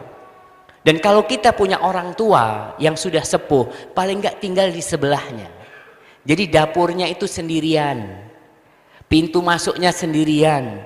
Kan kita dianjurkan romantis menyambut suami kita pakai baju yang menggoda. Kalau kumpul sama mertua, masa mau pakai baju-baju seksi? Nggak mungkin. Mau makan ya, umpamanya sunnahnya tuh kalau makan suruh jilatin tangan ya. Kita lagi makan bertiga, Ana, ibu Ana sama istri mas Ana. Masa istri Ana mau jilatin tangan Ana di depan ibu? Ente mah yang benar tuh. Berarti itu kan. Jadi ada hal-hal yang tidak bisa dilakukan ketika ketika dia berkumpul. Maka berusahalah kalau tadi dia sudah memiliki rumah dan rumahnya kosong dan suaminya mau pindah ke rumah orang tuanya, dilihat kenapa dia mau pindah. Mungkin ibunya sendirian, sedangkan suami punya kewajiban berbakti. Taatlah kepada suami, turuti dia karena suami adalah surga dan neraka seorang istri. Kalau memang nggak mau dikumpulkan, bilang sama suami, mas, jangan dikumpulkan aku mas, sewakan yang deket situ mas yang kumpul gitu walaupun ngontrak supaya tiap hari bisa kalau ibu ibu ada apa-apa kita bisa mengontrol ibu. Wallahu a'lam. Uh, ada satu pertanyaan. Saya ingin bertanya, apa pandangan Islam kalau suami mengajak rujuk kembali setelah pisah dua tahun tanpa bercerai sah dalam hukum, tanpa memberi nafkah lahir batin dalam perpisahannya? Iya. Berkaitan dengan rujuk kembali dengan suami setelah pisah dua tahun, tapi belum cerai. belum. tapi cerai sesuai dengan syariat mungkin sudah. Mungkin dia sudah menceraikan istrinya. Nah, iya, kalau sudah bercerai, istri itu punya hak nafkah rumah dan makanan ketika masa idahnya saja. Ketika keluar masa idah, istri sudah tidak berhak lagi tinggal di rumahnya suami. Istri keluar dari rumahnya suami. Tapi kayaknya ini keributan suaminya kabur mungkin. Meninggalkan istrinya. Dia tidak memberikan nafkah. Kalau sudah bercerai, dia tidak wajib memberikan nafkah. Setelah masa idahnya. Kecuali punya anak. Jadi suami ini bagaimanapun bapak-bapak nih. Terkadang seorang itu mau menikah dengan janda. Kalau bawa anak bingung Aduh saat anak makan sendiri susah. Kalau udah punya anak ini kan susah juga gitu. Itu anak kewajibannya siapa? Kewajiban bapaknya. Bukan kewajiban bapak tirinya, bukan. Itu kewajiban bapak asli yang ngasih makan dia. Kalau dikatakan tadi bagaimana pandangan Islam, kalau dia mau rujuk kembali, ya nggak masalah. Ketika dia mau merujuk kembali dan sudah cerai, maka rujuknya itu menikah kembali. Kalau sudah lepas masa idahnya, suami harus datang kembali, meminang kembali, melamar, diterima atau ditolak. Dan di sana istri bisa memberikan syarat-syarat. ketika itu karena dia mungkin merasa dilecehkan dia bisa memberikan syarat-syarat ketika itu kepada suaminya jadi diperbolehkan kalau suaminya memang layak untuk diajak rujuk wallahu a'lam Assalamualaikum Ustadz saya ingin punya suami bisa menghargai Ana gimana caranya ya Ustadz karena suami Ana merasa dirinya sangat pintar, tapi dia merendahkan Ana, apalagi kalau lagi ribut. Tidak ada kebaikan yang Ana dapatkan. Masya Allah. Gimana tuh suaminya tuh? Ada di sini? Enggak tahu teman. Iya jemaah. Allahu Akbar. Rasul SAW itu nabi jemaah. Nabi beliau itu. Ketika ribut sama istrinya, Beliau nggak pernah merendahkan Aisyah.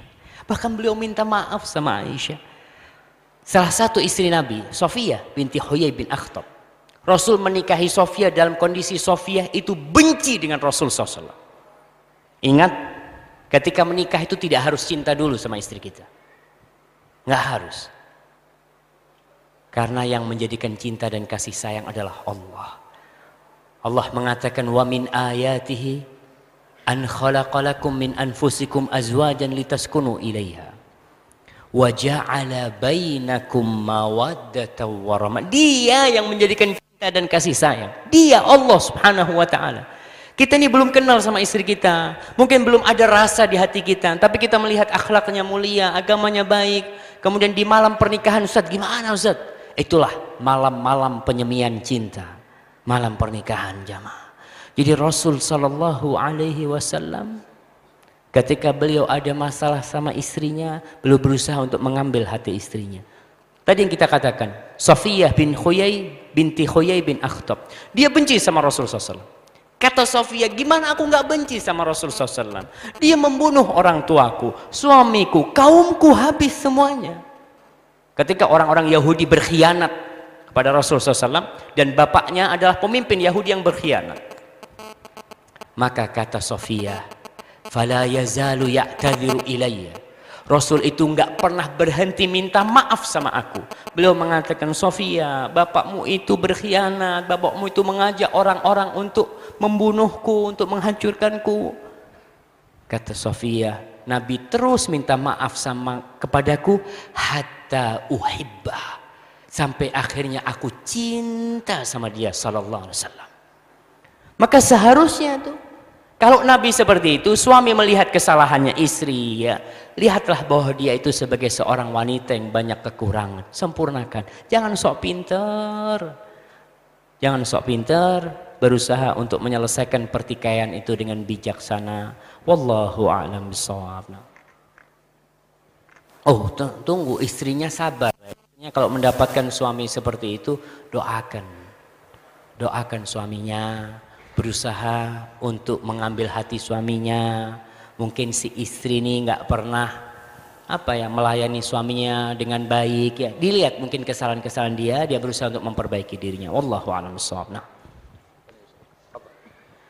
Alhamdulillah saya baru mengenal sunnah begitu juga suami apa yang harus saya dan suami lakukan karena dulu kita sempat pacaran maksudnya amalan apa Ustadz saya sering mendengar curhatan teman-teman tentang aib suaminya sering mendengar curhatan teman-teman tentang aib suami mereka maksudnya Ustaz. Apa yang harus saya lakukan? Karena jujur saya juga takut berada di posisi teman-teman yang punya suami tidak baik. Karena hampir empat tahun menikah, suami saya alhamdulillah baik. Masya Allah, Masya Allah. Barakallahu lakuma wa baraka alaikuma wa jama'a bainakuma fi khair. Buat yang kemanten baru, kemanten lama semuanya. Gulu amin. Amin. Antum didoakan bengong dong gitu. Antum bilang amin susah banget. Nah, ini pertanyaan yang bagus sekali. Karena banyak di antara kita yang menikah dengan pacaran dahulu. Dia nggak tahu dengan hukum. Dia jauh dengan agama Allah. Ketika dia sudah menikah, terkadang orang itu tidak pernah bertobat atas dosa yang dia lakukan.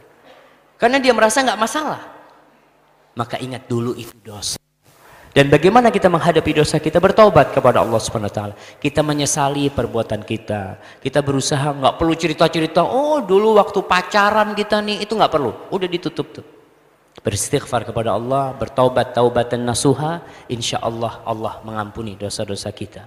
Lalu pertanyaan kedua berkaitan dengan curhatan para istri. Ibu-ibu, ibu-ibu ingat ya, jangan suka menyebarkan aib suaminya.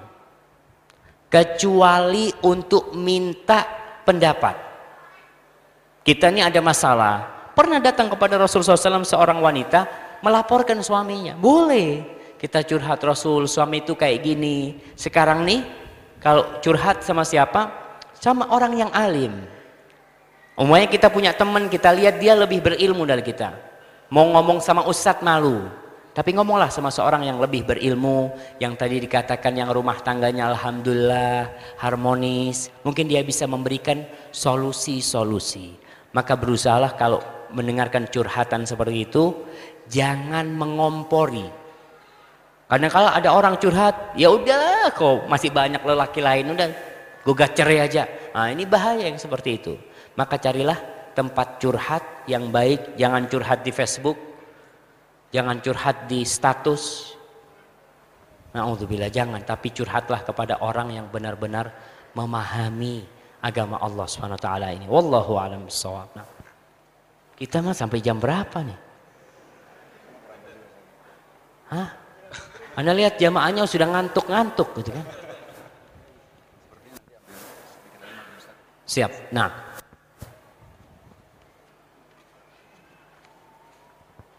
Assalamualaikum. Ustadz kita kan harus bersabar terhadap istri kita. Harus memberikan perhatian dan kasih sayang terhadap istri kita. Tapi masalahnya ketika istri kita itu apa namanya mengalami uh, kelelahan malam-malam kita minta berhubungan dia tidak mau, itu bagaimana Ustadz? Kan itu dosa, dosa besar. Ini yang tanya suami apa istri nih? Uh, suami. Yang suami yang menulis. Suami uh, yang menulis, Mas, Masya Allah. Yang bertanya suami, kan? Iya. Jadi istrinya nggak mau Ustaz, nggak mau. Istrinya nggak mau, subhanallah jamaah. Subhanallah. Antum harus melihat dia. Memang istri itu dilaknat. Kalau diajak suaminya dia nolak. Tapi kalau dia nggak ada halangan, Terkadang bayangkan dia umpamanya habis pengajian di rumahnya bersih-bersih. Kita nih duduk-duduk tuh ngeliatin tuh. Eh ayo cepetan. Nggak bantuin. Pantas dia sampai tempat tidur subhanallah. Antum lihat terkadang kita masuk kamar. Ya anak terkadang masuk kamar ngelihat istri itu sudah teler. Anak ya Allah. Kenapa capek pekerjaannya jamaah. Mungkin orang yang punya pembantu dia merasa nyaman. Tapi ada orang-orang yang semua dikerjain sendiri. Gak pernah selesai dia kerja. Pagi-pagi ngurusin anaknya sekolah. Sudah dimandiin semua, dirapiin, udah berangkat sekolah, dia bersih-bersih rumah, belum selesai masak, anaknya sudah pulang sekolah. Udah ngurusin si anak, bikinin susu, macem-macem.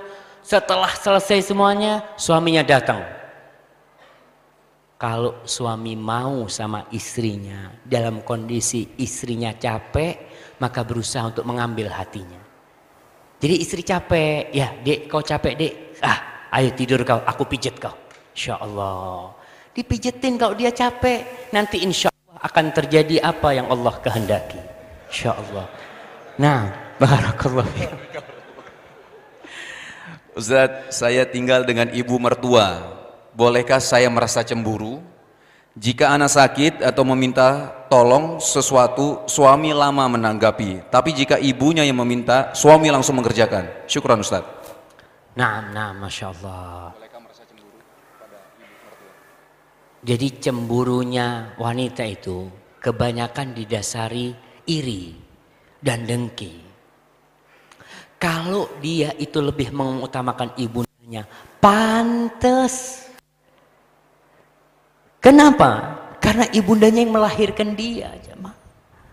Kalau mungkin istri sakit, nggak seperti ibundanya. Maka seorang istri ketika menghadapi suaminya seperti itu, dia berusaha untuk bersabar. Dan dia mengatakan, bang semoga abang dikasih hidayah sama Allah SWT, dikasih petunjuk dan dimasukkan surga karena kebaktian abang. Dan mengharaplah anak kita seperti suami kita nantinya. Anak kita nanti seperti suami kita. Ketika istri ini sudah menjadi ibu, menjadi nenek ya. Kita mengharap anak kita lebih perhatian dengan kita daripada istrinya. Dan itu seharusnya seperti itu memang. Jadi bersabarlah. Tapi suami, suami berusaha untuk jangan sampai terlalu terlalu apa ya kesenjangannya terlalu jauh jangan berusaha untuk mengambil istrinya karena istri punya hak yang besar juga apalagi dia sakit ya berusaha untuk cepat menanggapi dia wallahu a'lam nah. Ustadz, bagaimana cara menghadapi istri yang tidak bersyukur atas rezeki suaminya yang pas-pasan sedangkan suami sudah memberikan nasihat kepada istrinya Masya Allah, apa dia salah milih istri gitu kan? Wallahu a'lam Sudah jadi suami istri Ustaz. Ada istri-istri memang yang tidak qanaah. Istri yang tidak pandai bersyukur. Bahkan kebanyakan terjadi gugat cerai itu masalahnya fulus. Banyak wanita-wanita yang jadi TKW ke luar negeri meninggalkan suaminya kenapa? Karena fulus. Dia ngelihat suaminya penghasilannya bang tiap hari makan sate. Sayur tempe maksudnya. Tiap hari sate bang. Kapan kita ini berubah gitu kan. Sudahlah aku akan kerja ke mana gitu kan. Karena dia menginginkan ekonomi yang lebih baik. Ingatlah para wanita jadilah wanita yang bersyukur, yang menerima, Demi Allah kalau kita punya hati yang tidak menerima, kita punya gaji 100 juta nggak cukup. Kalau hati kita tidak menerima. Bahkan orang-orang itu yang tambah kaya ada yang tambah miskin. Karena dia tidak kona'ah. Terus bagaimana? Si suami ini terhadap istrinya. Antum masih ingat dengan kisahnya istrinya Nabi Ismail. Nabi Ismail punya istri yang pertama yang biasa. Istrinya selalu nggak nggak bersyukur lah apa yang dapat suaminya selalu kurang dia menjelek-jelekan keadaan. Akhirnya dia disuruh ceraikan. Maka hati-hati kadang-kala wanita yang seperti ini memang tidak layak menjadi pendamping hidup kita. Tapi tetap kita berusaha memperbaiki. Bagaimana memperbaikinya? Dengan cinta dan kasih sayang. Kalau kita tidak bisa memberikan harta kepada istri kita berikan cinta. Lebihkan cintamu untuk istri. Bantuin istri masak ya. Terkadang istri itu fulus nggak dapat perhatian nggak dapat pantas minta cerai. Jadi kalau ente miskin nggak mampu maka sempurnakan kekurangan itu dengan cinta dan kasih sayang masuk rumah ya istrinya capek masak dibantuin Masya Allah khusus buat anak nih Hah? Masya Allah buat antum kayaknya jadi seperti itu jamaah. Kemudian para suami sering-sering bilang terima kasih sama istrinya. Sering-sering antum bilang terima kasih. Kita ini banyak kebaikan istri yang kita lupakan. Ngasih air, coba nih, ketika yang ngasih air anak orang-orang, anak ngomong syukron. Coba istri kita yang ngasih air. Nah gitu bagus kau. Masya Allah bukan syukron jazakallah khair. Dia masakin nasi goreng dia ngasih kita ucapkan dek jazakallah khair makasih dek. La yashkurullah. Man la yashkurun. Enggak bersyukur kepada Allah. Orang yang tidak berterima kasih kepada manusia dan orang yang paling banyak berbuat baik kepada kita nih istri kita. Kita lihat malam hari ya anak-anak udah pada tidur ya. Kita kecup istri kita. Dek makasih banyak dek ya. Anak-anak udah bisa ngaji sekarang Masya Allah. Berikan hadiah kepada istrinya. Kasih bikinkan sertifikat buat istrinya. Bikinkan sertifikat taruh di piagam di pigora. Katakan untuk istriku yang telah mendidik anak-anakku. Tanda tangan di situ. Masya Allah ya maaf benar ini antum jangan ketawa wallahu alam bisawab dua boleh lah, nggak apa-apa lah. Nah, itu yang banyak nanti tanyakan ke Ustadz selanjutnya aja, Masya Allah. Assalamualaikum Ustaz. Adakah forum yang mewadahi ta'aruf sehingga mempermudah para ahwat dalam mendapatkan jodohnya? Sampai saat ini Ana belum dapat forum tersebut untuk mempermudah khususnya Ana dan ahwat-ahwat lain yang belum menikah. Insya Allah. Gimana? Antum siap? Siap kita bikin forum? Insya Allah. Ah, siap semua di sini. Ya kepada para akhwat, insya Allah ikhwan semua di sini juga cari tuh forum tuh. Sama sebenarnya. Gimana caranya? Ya mudah-mudahan. Kalau nggak salah beberapa waktu yang lalu Ustadz Firanda pernah pernah memunculkan ide itu supaya akhwat-akhwat ini bisa ke bisa nikah lah. Kesian sebagian akhwat itu kan ketika udah ngaji nggak ada yang kenal dia, nggak ada yang tahu dia. Maka perlu ada orang-orang yang menawarkan akhwat-akhwat ini subhanallah. Anda bertemu dengan seorang ibu, nih ikhwan-ikhwan yang mau nikah di Singapura. Ibu dia dari Singapura. Dia ngomong, Ustaz, anak punya anak perempuan tiga Ustaz. Masya Allah. Kalau ada yang mau nikah Ustaz sama anak-anak Ustaz. Dia janda subhanallah ya. Ada nggak antum di sini mah? Hah? Ada kalau ada nanti ngomong sama anak nggak apa-apa nanti. Tapi yang soleh antum harus soleh dulu gitu kan. Jadi insya Allah mudah-mudahan nanti ke depan mungkin teman-teman dari koordinator dakwah ini yang undang-undang kajian, mungkin juga bekerja sama dengan ya teman-teman di TV Roja, Radio Roja dan yang lainnya bisa membentuk hal itu, khususnya ibu-ibu nanti. Jadi ada forum ibu-ibu yang bikin, ada forum bapak-bapak yang bikin, yang bapak-bapak khusus ikhwan mungkin untuk membantu jamaah, karena memang untuk mencari calon suami yang baik itu nggak gampang. Untuk mencari calon istri yang baik juga susah terkadang. Wallahu alam, mungkin itu perlu perlu dibicarakan nanti selanjutannya. Wallahu alam. Nah,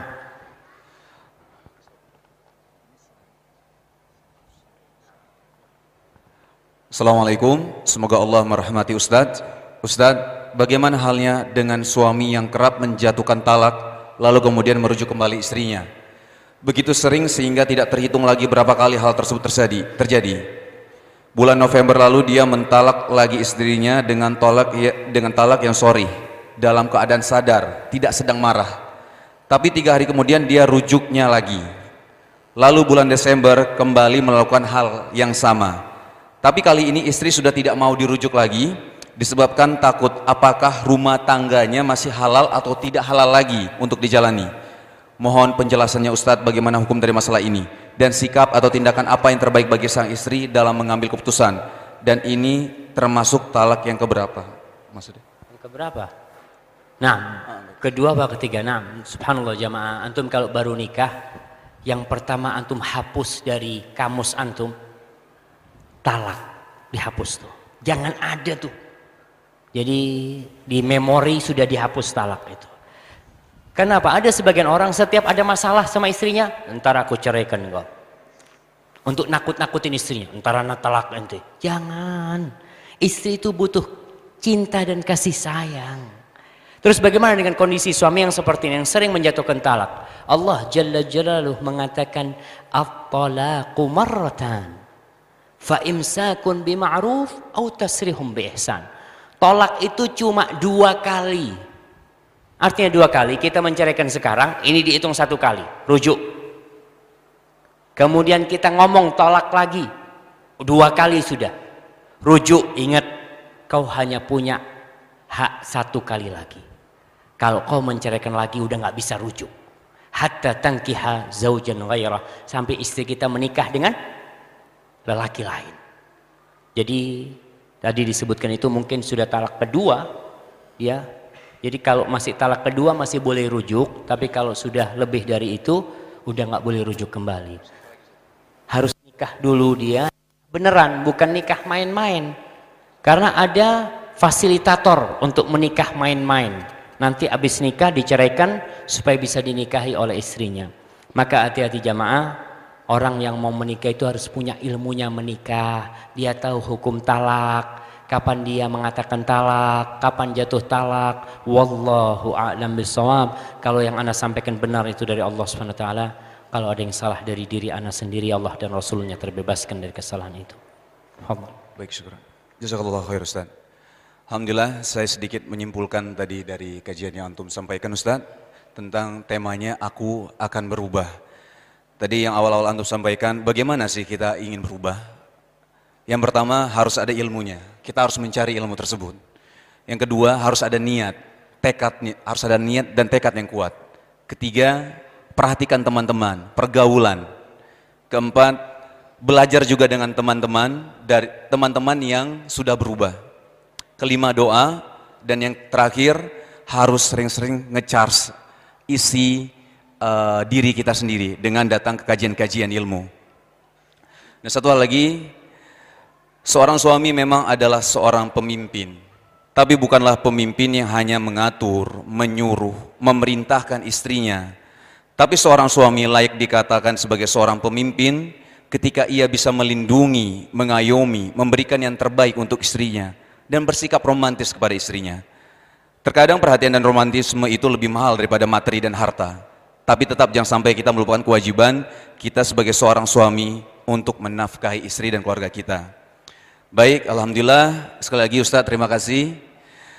Uh, usai sudah kajian kita hari ini dan diharapkan kepada saudara-saudariku diperhatikan jangan sampai jaga kebersihan ya, jaga kebersihan jangan sampai ada sampah-sampah yang berserakan. Kalau ada sama-sama lah kita saling membantu untuk menaruh sampah di tempatnya. Sekali lagi terima kasih, mohon maaf kalau ada salah salah-salah kata, salah-salah kata itu datangnya dari saya dan kalau benar datangnya hanya dari Allah Subhanahu wa taala. Terima kasih. Wassalamualaikum warahmatullahi wabarakatuh.